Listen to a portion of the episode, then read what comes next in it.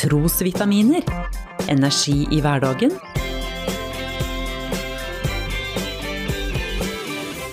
Ved Norea-pastor Svein Anton Hansen. Enkelte mennesker blir du glad i bare ved å se ansiktet deres. De trenger ikke si så mye, men det lune og lure smilet smitter glede til et hverdagsgrått menneske sånn som meg. På TV har det gått en serie kalt Oppfinneren.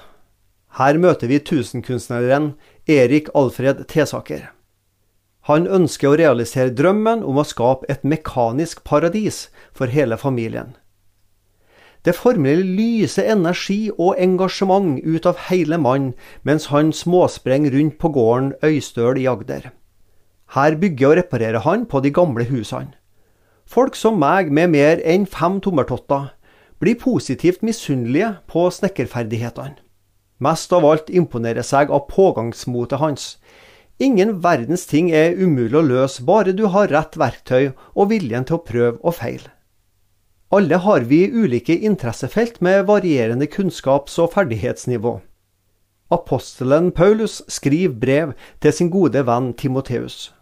Den unge medarbeideren får det ikke helt til med det å lede menighetene som han vil.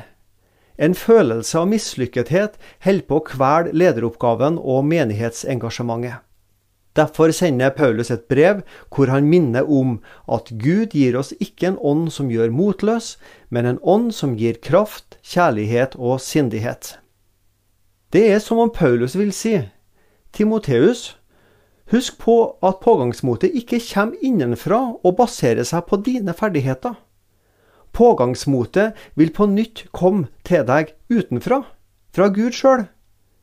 Husk at du har fått Den hellige ånd. Han vil gi deg ny kraft, kjærlighet og sindighet. Også i det kristne arbeidet og misjonstjenesten kan vi inspireres av mennesker med kunnskaper, ferdigheter, og som viser et beundringsverdig pågangsmot. Gud setter pris på dyktighet. Guds rike, kirke og misjon fortjener kvalitet. Når vi likevel opplever å komme til kort, ikke klarer å leve opp til forventningene vi sjøl setter, skal vi huske at Guds kjærlighet og nåde ikke baserer seg på hva vi får til, kun på det Jesus har fått til for oss. Når vi ser på Jesu gjerning og ferdigheter, har vi ingen grunn til å bli motløse. Nei, i Jesu frelse ligger både kraft, kjærlighet og sindighet.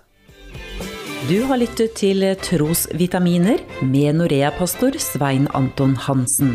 Du finner trosvitaminer på noreapastoren.no.